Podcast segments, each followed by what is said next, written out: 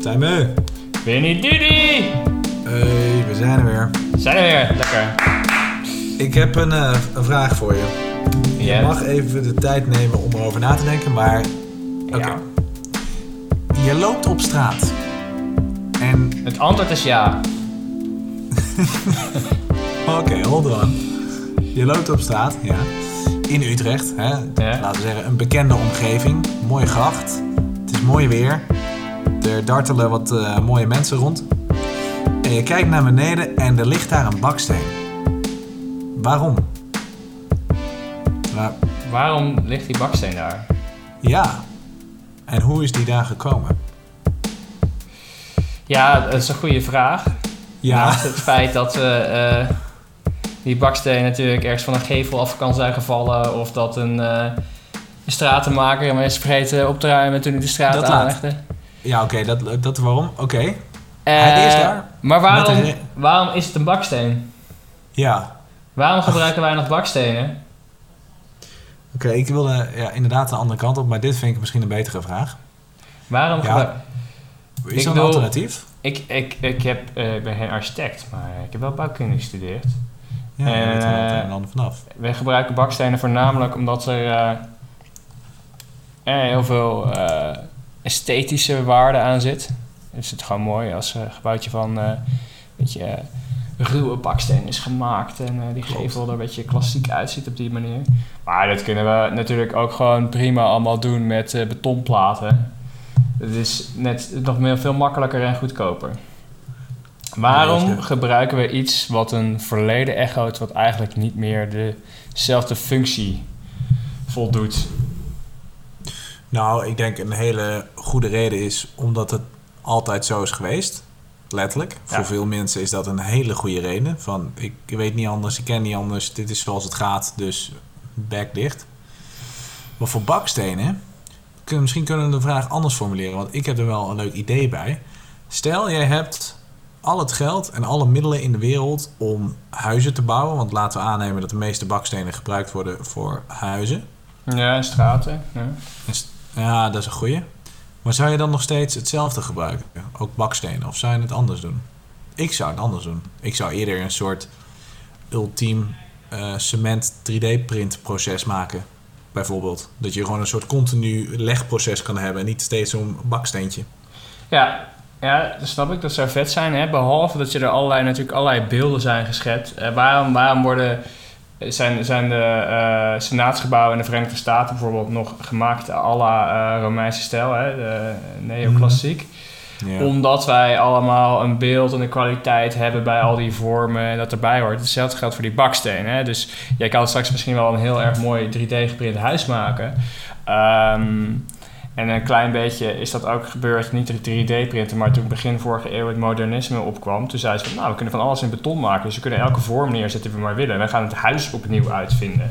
Ja. Eh, en daar zijn de meningen nog steeds heel erg verdeeld over, van of dat nou echt mooier is of niet mooier. Maar Ah. eh, je ziet wel dat er een hele grote groep is die hecht heel veel waarde bij die baksteen. Want dat, is, dat, dat, dat straalt die klassieke oude stad uit. ja, precies. Dat is gewoon een bepaalde oervorm die misschien aanspreekt op onze psyche. Nou ja, het is meer dat je hè, geconfronteerd wordt met die beelden. Zeg maar de mooie, de mooie gebouwen, nou, hè, neem binnenstad Utrecht, eh, waar we het dan net over hadden. Die mooie oude Ja. gebouwen, die staan daar eh, voor een groot deel in baksteen. En daarmee heb je die associatie van, oh, baksteen is mooi, huiselijk, gezellig. Ja, maar als we... Oké, mooie oude gebouwen, check. Maar als we kijken naar de mooie oude gebouwen in Rome... Ik weet dat het Colosseum niet gebouwd is van bakstenen. Nee, natuursteen, maar dat is er net zo één. Noemen we dat ook baksteen? Nee, noem je niet baksteen. Maar ik denk dat daar een vergelijkbaar verhaal mee is. Alleen dat eh, baksteen eh, prima te fabriceren is eh, op betaalbare kwaliteit in, in de fabriek hier in Nederland. En het ook een meer lokaal product is.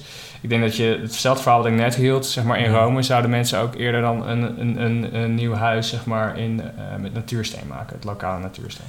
Nu, nu zeg je wat. Heb je ooit wel eens een baksteenfabriek gezien? Plaatje. ik, ik niet eens een plaatje. Waar komen die dingen vandaan? Heb je dat in Nederland? De, de, klei, eh, de klei wordt volgens mij uit de Nederlandse rivieren gehaald of andere plekken. En dat wordt dan gedroogd hè, en in de vorm gegoten en dan wordt het gebakken. Wauw. Bak. Steen. Steen. ja, het is, het is, het, hè, afhankelijk van de regio heb je ook andere type bakstenen. Afhankelijk van de klei die je hebt. Uh, maar voor Nederland eh, dat is, was het gewoon heel mooi klein. Dat was gewoon een topproduct om te gebruiken. En als je dan in Amsterdam had je Hmm. bijvoorbeeld uh, in de Gouden Eeuw had je gebouwen die voor een stuk gevel een natuursteen hadden. Nou, dat was super duur. Dat moest allemaal geïmporteerd worden uit Duitsland Ja. of Frankrijk of noem maar op. Dat was een teken van welvaart. Terwijl daar was dat minder eh, scherp contrast vergeleken met de baksteen Ja. als hier. Ja, het is gewoon... Ik ken de principes van hoe je zeg maar, een baksteen maakt. Maar ik heb er nooit bij stilgestaan dat het, zeg maar, waar dat dan precies is en hoe dat gaat. En ik vra- vraag me ook af hoeveel bakstenen we nu, nu nog gebruiken, als het ware. Nou ja, wat ik dus bijzonder vind, is dat zeg maar, eh, je hebt nu een soort van voorzetgeveltjes waar al een prefab baksteenmuurtje op staat. Als je dan je Ja. kantoorgebouw maakt of zo. En dan haalt het voor mij een beetje de hele charme van baksteen weg. Wat Dan zou je gewoon eh, niet steentje denken? voor steentje, het ambacht. Ja, Hè, en dat het ook echt dat gebouw op die baksteen rust. Hè, maar er zit dus een betonnen binnenwand achter of betonnen kolomconstructie achter. Eh, die baksteen is voor de sier voor een groot deel. En eh, volgens mij hebben wij echt veel meer dingen in eh, onze cultuur die wij voor de sier doen, zonder dat ze nog nut hebben. ja, op zich snap ik dat wel goed. In het geval van bakstenen misschien iets minder. Eh, ik snap dat wij veel waarde hechten aan vorm en traditie. Dat zijn gewoon Mhm. belangrijke dingen. En, en niet alleen vorm, traditie, maar ook... God, ik heb het iets minder, een soort spiritualiteit.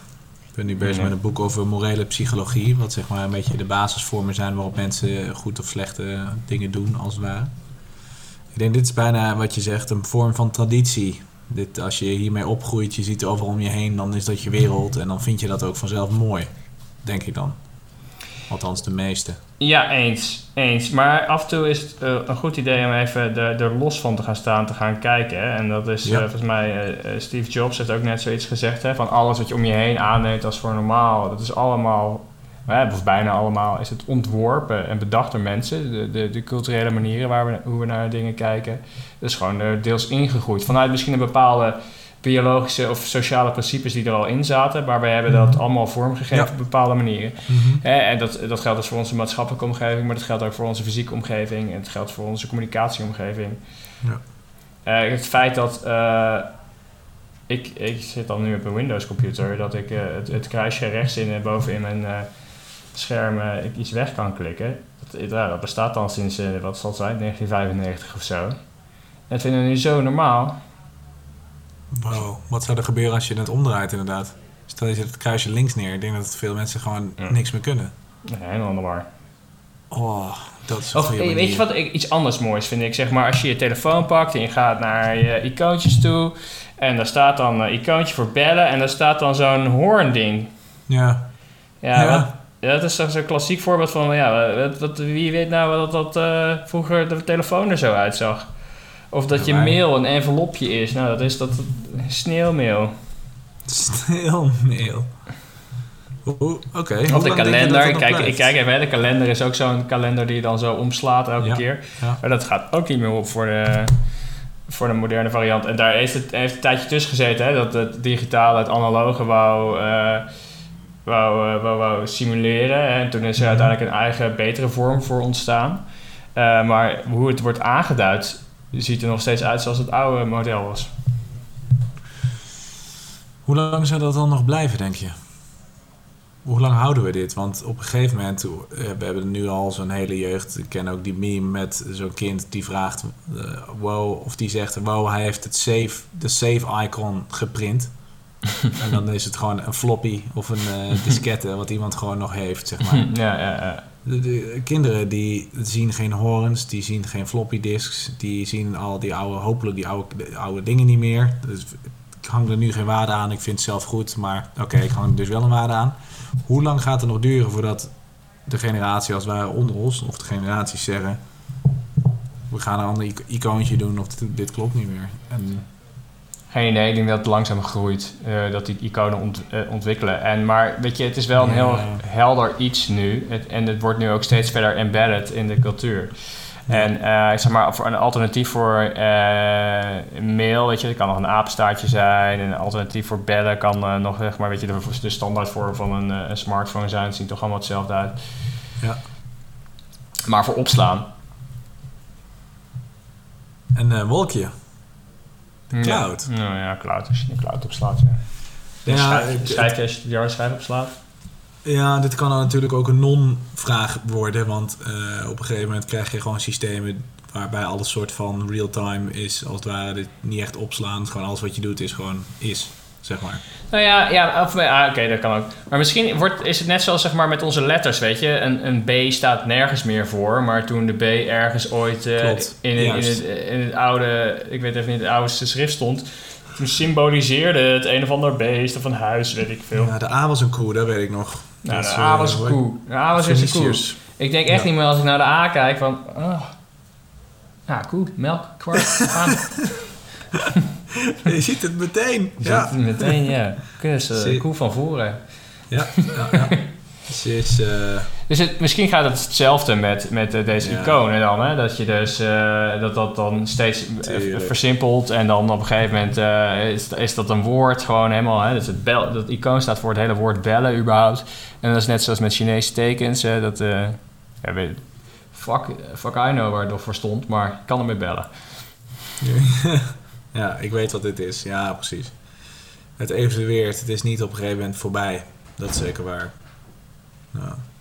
Maar toch is dat voor, om terug te komen op de baksteen, zeg maar. De volgende vraag is, hoe lang zouden wij dat dan nog hebben? Ik heb wel eens bedacht, als je het echt heel relaxed wil doen, en ook met, eh, nou ja, ik dacht aan 3D-printen als je een, een mooi huis wil bouwen. Ik zat ook te denken aan smart metal. Dat je gewoon nou, jij bent ook fan van Dragon Ball Z. Daarin heb je van die capsules, die gooi je zo weg. En dan wordt het zo'n huis. Ken je die nog? Ja, ja, ja. Een capsule core. Capsule Corp. Ja, precies. Nou, dat kan je ook doen van Smart Metal. Dat je gewoon een soort constructie maakt. Eh, ik ken die legering niet uit mijn hoofd. Maar die kan je weer vervormen. En als je daar een, eh, een current of een hittebron op zet, dan eh, zet die uit. Dat soort dingen. Ik vind toch dat we daar te weinig mee doen. Ja, Maar dat zou vet zijn. En ik denk dat het ook wel wat, eh, dat je echt hele mooie dingen mee kunt doen. Maar ik, ik ben nu toch even aan het nadenken over die baksteen. En over waarom ik een, een bepaalde behoefte heb om ook eh, houten, houten eh, in mijn huis te hebben. Volgens mij is er ook een soort van biologisch eh, drang naar wat natuurlijks. En weet je, baksteen lijkt een beetje op steen, op je grond. En hout lijkt, ja, natuurlijk het hout dat je in, in, in, het bos tegenkwam. Dat je daar misschien, eh, dat je daarnaar verlangt. eh, terwijl als je met smart metals werkt of als je in een modern gebouw zit van alleen maar beton, dat je een bepaalde ja, vervreemdingen hebt van eh, waar je naar bent geëvalueerd. Maar dan zou je toch ook gewoon hele mooie plantjes in je betonnen gebouw kunnen doen. Ja, dat helpt. Of de, je beton zo gieten dat het ook weer natuurlijk wordt. Nou, ja, je kunt bootje hè, is eigenlijk het gewoon- grove vormen gieten, maar zeg maar als je strak beton hebt, gewoon een gladde rand, of als het alleen maar metaal en oké. glas is. Ik denk dat dat, hè, eh, het ziet er vet uit, eh, ehm, maar dat het een bepaalde vervreemding oplevert. Dus dan zou je het niet kunnen gebruiken, of kunnen, dan zouden de meeste mensen waarschijnlijk niet willen gebruiken voor een huis, maar misschien voor kantoor eerder of iets functioneels wel. Ja, ja, ja. Nou ja, huizen zijn, om te wonen zijn natuurlijk wel belangrijk. Maar je hebt gelijk, ik heb zelf ook zo'n drang naar hout, vind ik ook heel fijn.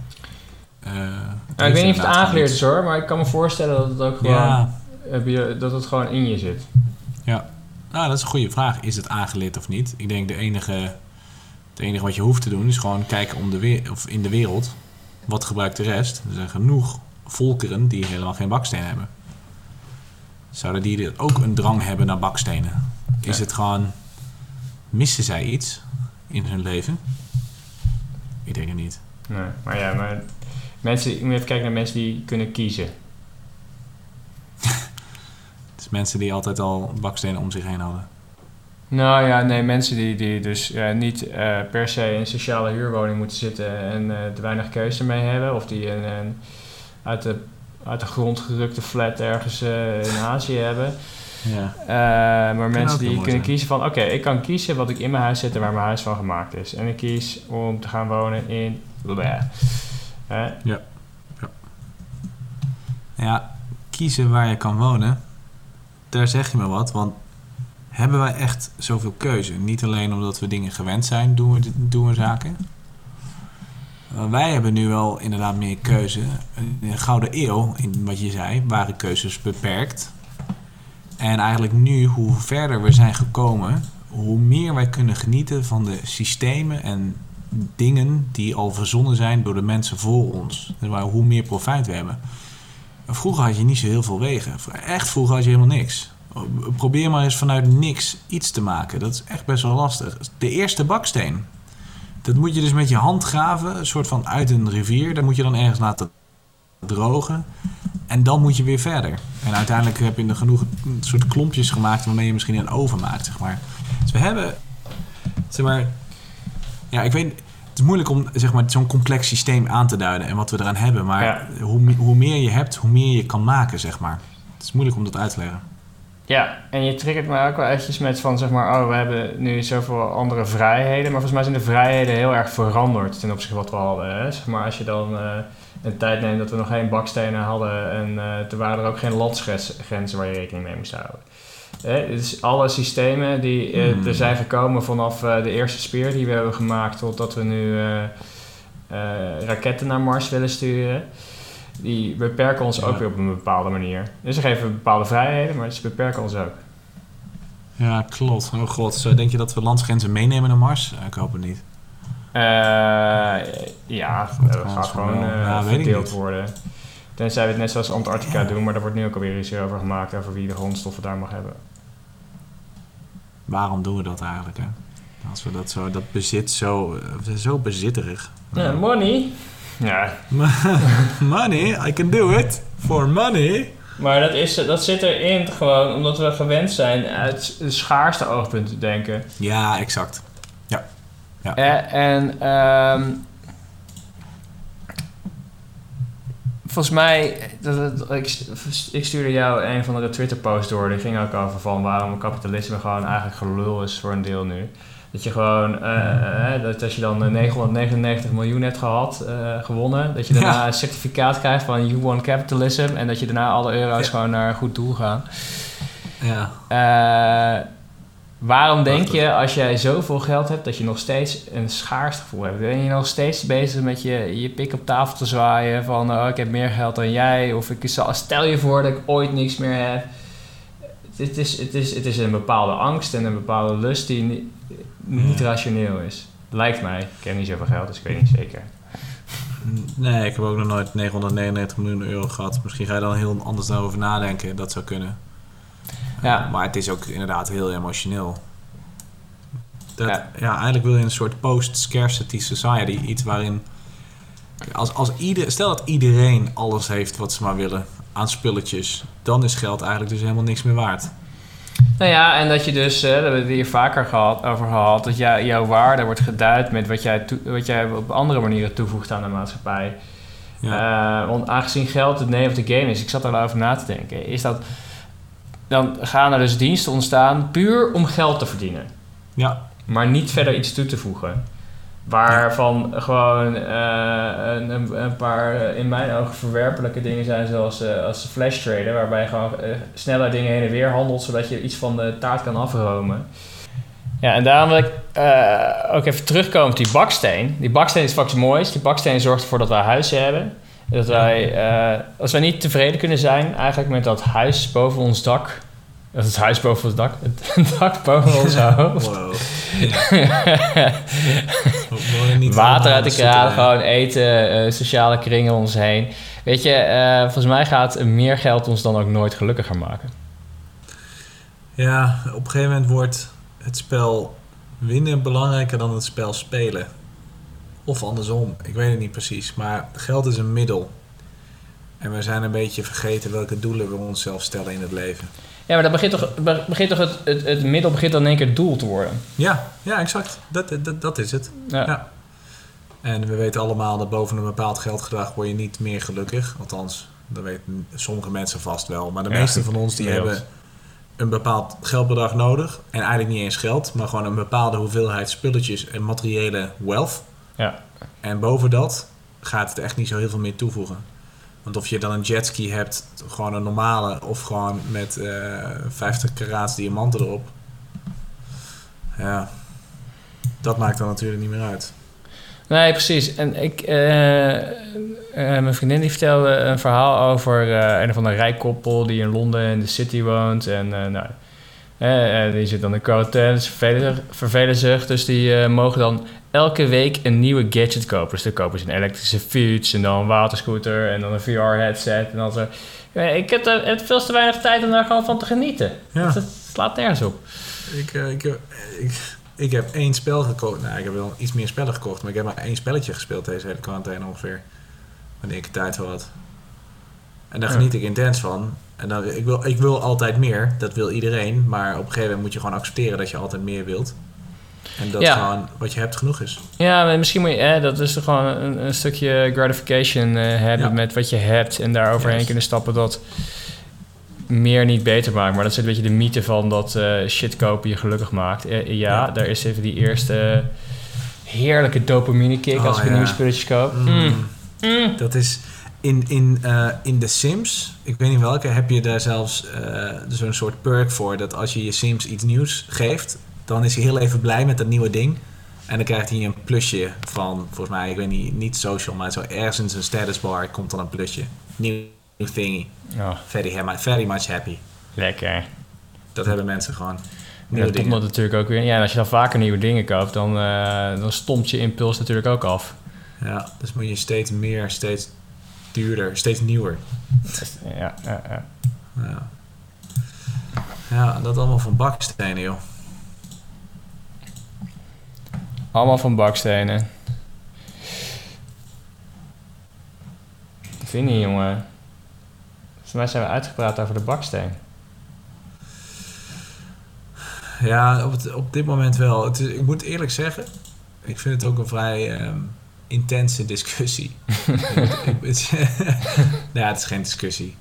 Eh, maar ik moet echt gewoon nadenken over wat het betekent. En misschien dat ik er ooit iets over moet gaan schrijven. Nee, daar is vast al over geschreven. Maar zeg maar wat ik bedoelde met complexe systemen waar wij gebruik van kunnen maken. En dat we steeds meer kunnen als we meer produceren.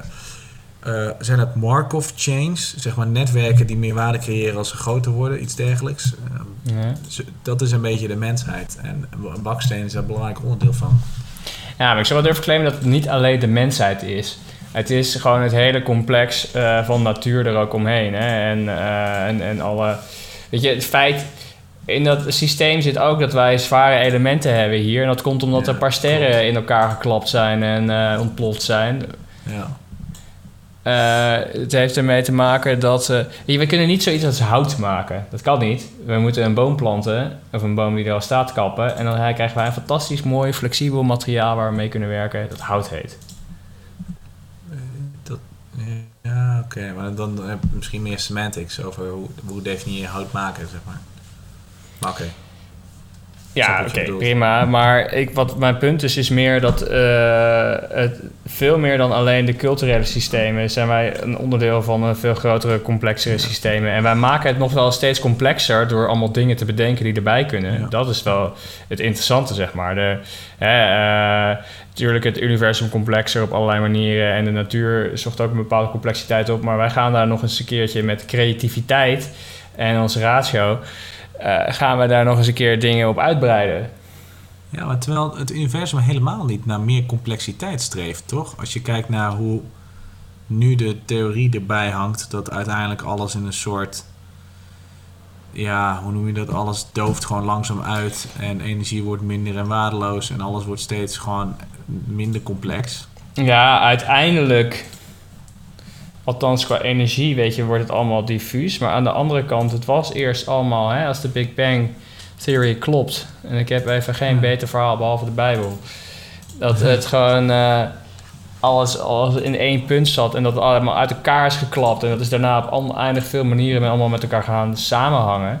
Eh, net zoals hè, als ik het had over die, die zware elementen die ontstaan in sterren. Dat is toch bepaalde voor eh, bepaalde stukken, clusters, wordt het wel complexer. Ja, dus op, op eh, een soort van microschaal wordt het complexer en op macroschaal wordt het juist minder complex. Heel gek eigenlijk, een heel duaal systeem ook. Ja, maar dat komt denk ik ook omdat zeg maar, het universum uitdijt. Dus die, En ergens zit dan een balans, ergens zit dan een plek van de meeste complexiteit in het universum. Hè, tussen eh, half uitgedijd zijn en eh, dat er allerlei processen hebben kunnen plaatsvinden. Nee, nee, wacht. De meest, de meest complexe punt van het universum was toch per definitie het Big Bang. In a way, omdat alles oneindige energie, dus, de- dus ook oneindig... Nee, maar je haalt even complexiteit en, en, en eh, hoeveelheid energie en massa door elkaar. Ja, want het is informatie in principe, toch? Ja, misschien is complexiteit überhaupt zeg maar, een heel erg menselijke manier om ernaar te kijken. Ja.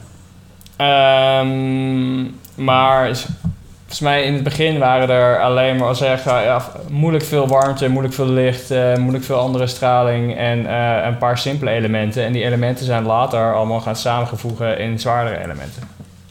Ja, nee, absoluut. Is dat niet, zou je dat, ja, dat zou je dan misschien vanuit een menselijke kijk en dat is misschien een aangeleerde kijk zien als een, een, een, een, een grotere vorm van complexiteit? Een soort, hij staat meer naar rechts in de tabel van elementen als het ware. Ja, nou ja, dat is één onderdeel ervan. Hè? En er zijn Ja. eh, allerlei eh, ingewikkeldere eh, balansen gekomen van sterren die om elkaar heen draaien, of galaxies die om elkaar heen draaien, noem maar op. In principe heb je, als je het echt, echt makkelijker maakt, maar drie verschillende statussen van het universum. Je hebt zeg maar precies op de oerknal, als hij dood is, helemaal aan het einde, voor zover je van einde kan spreken, en dan als het tussenin. En volgens mij is Ja. dan het, oer, de oerknal zelf is de hoogst, het moment van hoogste informatie eh, intensiteit misschien wel. Want informatie zelf, nou ja, dat is ook nog maar de vraag. Blijft alle informatie in het ja, hoezo? Alles heeft gelijk? dezelfde positie. Als er überhaupt, ja, is nog geen ruimte, hè? Ja, precies. Ja. Oeh. Oeh, en ik denk dat als ik aan een natuurkundige zou vragen, dan zou hij ook zeggen: nee, ja, inderdaad, eh, Big Bang of pre-Big Bang is de, nog veel ingewikkelder, eh, complexer eh, situatie, omdat alles is, zit op één plek. Maar, maar, maar mijn menselijke kijk is dan, eh, volgens mij, hè, tussen dat uitdijen en dat uitdoven, zit een moment dat zeg maar, alles nog niet diffuus is genoeg, genoeg is door dat uitdijen. Eh, maar wel ondertussen complexe balansen heeft gevormd met elkaar. Of een soort van eh, tijdelijke balansen heeft gevormd met elkaar. Dat je een soort van moment hebt. eh, we hebben de Big Bang, het is het jaar nul. En we hebben de dood van het universum, dat is eh, eh, nou, eh, 100 miljard jaar later. En dan rond 50 miljard jaar is het de ultieme complexe situatie. De meest complexe situatie, niet ultiem. Ja, maar dan moeten we, dan- neem jij dan aan dat informatie in het universum gelijk blijft? Dat het een gesloten systeem Nee, is? ik denk dat het meer wordt.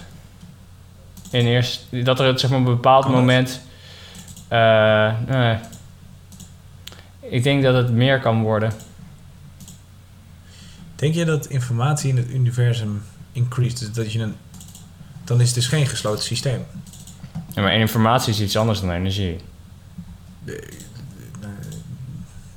Er is geen wet van Ja, het- behoud van informatie. Ja, die is er wel. Is er wel.